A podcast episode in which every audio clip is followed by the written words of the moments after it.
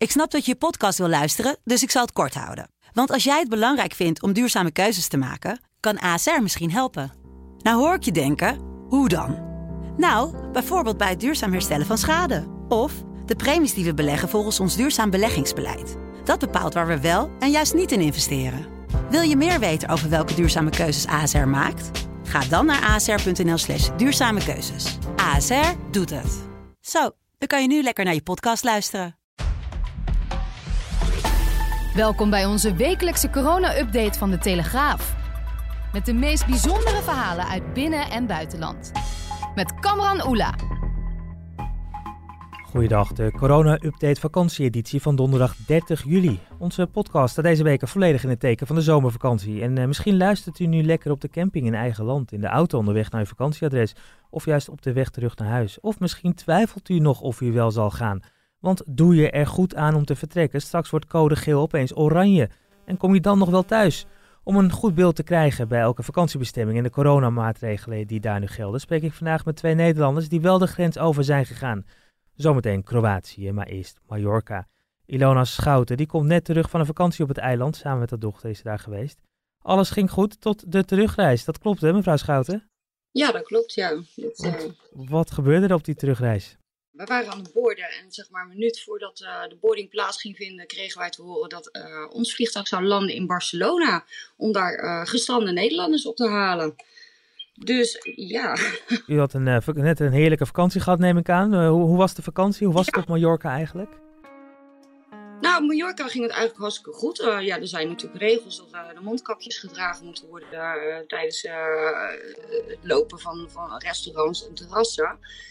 Maar ja, zodra je zit kan je hem gewoon afnemen. En ja, op zich, we hebben ons allemaal netjes aan de regels gehouden en het was ook helemaal geen probleem.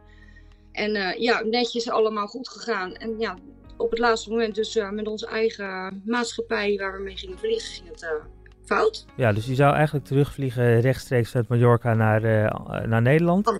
Ja. En toen was er opeens dus een, een, een ongeplande tussenlanding op Barcelona. Ja, ja, dus we kregen de, de melding dat we, dat we een tussenstop gingen maken. En um, toen wij in het vliegtuig zaten, toen werd een mededeling gegeven dat een, een kapot toestel was op uh, Barcelona, waardoor uh, wij de Nederlanders op gingen halen. En ja, terwijl we eigenlijk in het vliegtuig zaten, dan, dan ga je een beetje nadenken. Denk je, ja, maar daar was toch net een uh, code oranje afgegeven. Precies. En deze mensen moeten twee weken in quarantaine. Ja. En ja, dus wij waren een half uurtje onderweg en wij kwamen aan op Barcelona, waar we dus dik een uur hebben zitten wachten voordat er überhaupt wat ging gebeuren. Mm -hmm. En ja, ik ben toch even naar het personeel gelopen om toch even een verhaal te halen en een melding te geven van waar zijn we nu eigenlijk mee bezig. Want we brengen dus nu gewoon gezonde mensen die uit Mallorca vandaan komen in gevaar door mensen van Barcelona in hetzelfde toestel toe te voegen. Waar Precies. wij niet op quarantaine hoeven, maar de mensen die uit Barcelona komen wel. Ja, dus voor de helderheid. Hè? Dus uh, de, de, Barcelona was net uh, een etmaal op uh, code oranje gezet. Dat betekent dat iedereen die daar vandaan terugkomt, moet dan twee weken in quarantaine in Nederland. Maar die mensen uit Barcelona, die gingen dus gewoon bij u in het toestel. Daar had u contact mee in principe. Ja, nou ja, wij hadden dus een, een dat was ook nog het rare ervan, want wij hadden zeg maar een hele lage bezetting in het vliegtuig. Mm -hmm. En uh, er kwam dus echt een vo volledige bezetting van een vliegtuig bij, inclusief personeel. Dus wij hadden uh, 80 stoelen over die, die vol geladen werden. En, uh, ja, en die werden ook gewoon overal, gewoon waar maar een plekje vrij was, ging iemand zitten. Dus het was niet van, laten we ieder, iedereen naar Barcelona achter in het vliegtuig zetten of voorin. Ja. Maar echt alles door elkaar heen. En er werd duidelijk gezegd, hou je mondkapjes op. Geen mondkapjes afdoen of wat dan ook. Dus ja, dat, ja heel vreemd allemaal. En uh, aan het einde van, van de vlucht werd gewoon gezegd van ja, als u eigen, nou, niet, uh, als u uh, klachten krijgt, dan kunt u zich melden bij het ziekenhuis of def, desbetreffende arts. En denk ik, ja, er werd ook niks gezegd over een quarantaine. Dus het was Mhm. allemaal een beetje natte vingerwerk wat daar plaatsvond. Ja, Ook het personeel die ik daarop aansprak, die, die, die zeiden ook van ja, wij hebben hier gewoon niets over te zeggen. Ehm, ik vloog met Transavia. mhm. Eh, Transavia heeft ons gewoon opgedragen om eh, naar beneden te gaan bij Barcelona en eh, dit gestrande vliegtuig, de, de Nederlandse, op te halen. En we hebben daar niks over te zeggen. Wij zijn hier ook niet blij mee, Nee. want wij hebben thuis ook een gezin zitten en kinderen. ja. En Dus wat- ja, Maar dat betekent dus dat u op dit nu uiteindelijk dus 14 dagen in quarantaine moet. of, of, of is dat dan een eigen keus? Nou ja, dat is natuurlijk een eigen keuze in dit geval, want er is totaal niets gezegd. Maar ja, ik probeer toch wel uh, behoorlijk afstand te houden van, uh, van mensen. Ik, uh, ik heb zelf een moeder die, die een stoma in de, in de luchtwegen oh, heeft. Ja. En ja, die is ja, in de laatste fases, om maar zo te zeggen. Dus die is terminaal. Ik kan daar niet heen. Nee. Nee. Ik, dat, ik zal dan eerst een test uh, moeten. Ik, ik, ik, ben net twee dagen terug, dus ik ben nog even aan het overwegen of ik misschien uh, een test laat mm -hmm. doen. Dat ik uit een risicovliegtuig uh, ben gestapt. Dat ik in ieder geval wel weet van, nou, dan kan ik weer naar mijn moeder over een dag of drie als het meevalt. Als u van tevoren had geweten hè, dat het toestel in Barcelona zou landen, was u, dan, was u dan niet in een toestel gestapt? Nou, als ik, als ik een half uur van tevoren had geweten van nou, dit vliegtuig gaat, uh, gaat een tussenstop maken in Barcelona, dan had ik, uh, had ik geweigerd. Ja, maar nu zat dat er niet in. Niet uh, een mooie vakantie eindigt met een nare bijsmaak.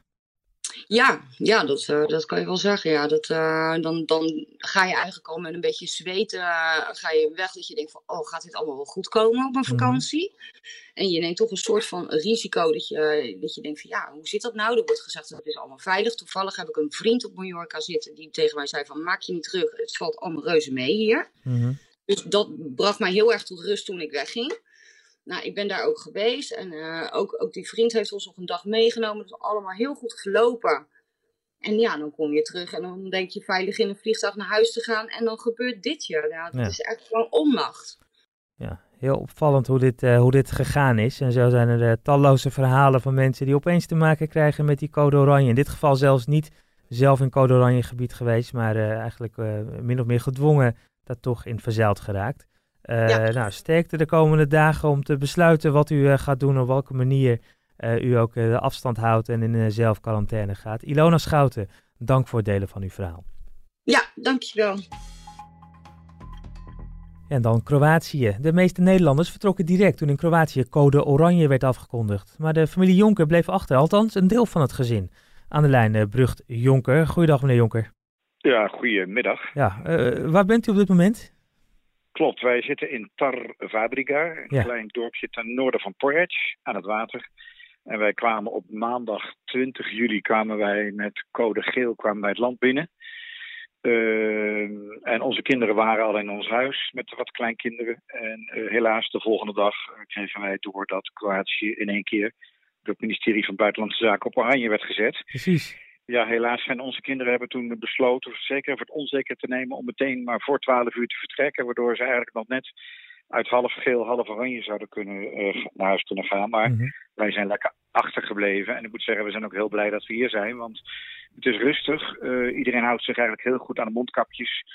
Uh, in, de, in, de, in de dorpjes hier en in de winkels. En ja, er zijn bijna geen besmettingen en uitbreidingen. Ik lees hier de dagelijkse krant.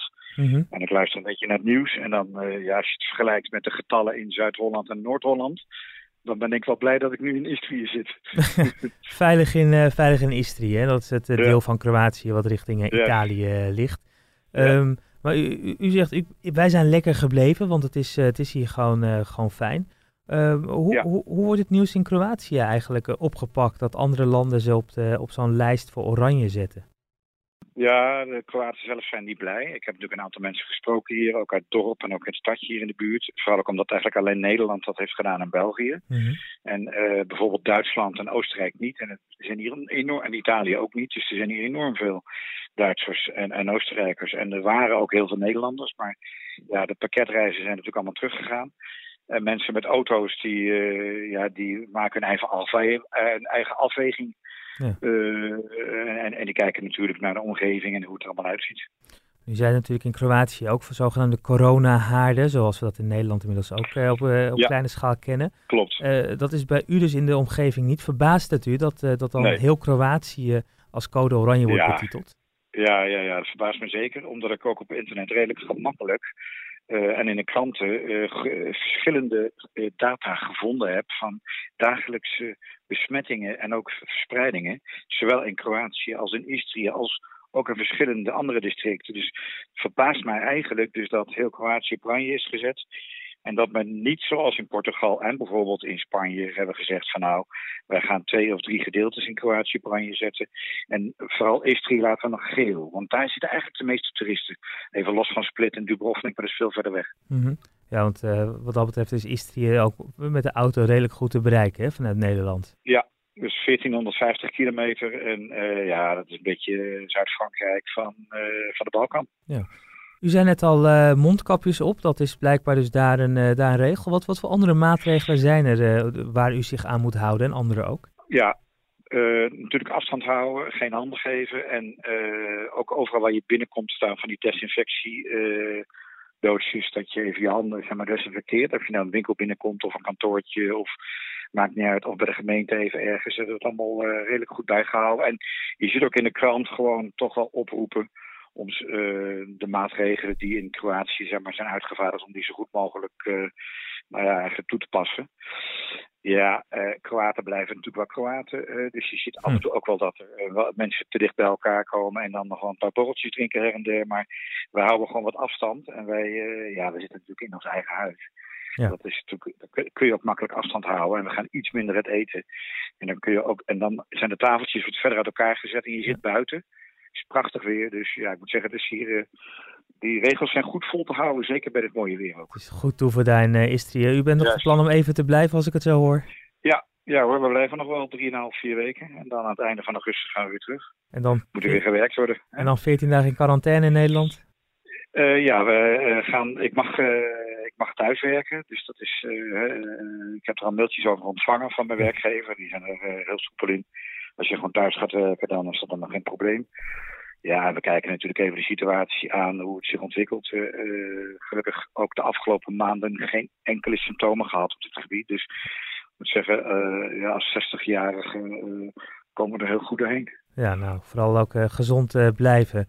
Uh, Dank dat u uw verhaal wilde delen, Brugt Jonker vanuit ja. uh, Istrië. En uh, daarmee komen we ook bij het einde van de Telegraaf Corona-update van donderdag 30 juli. Bent u zelf in het buitenland en wilt u uw vakantieverhalen met ons delen? Mail ons dan via podcast.telegraaf.nl en we nemen dan zo spoedig mogelijk contact met u op. Vermijd drukte, hou afstand, blijf gezond, een fijne vakantie en wat ons betreft tot de volgende aflevering van de Corona-update.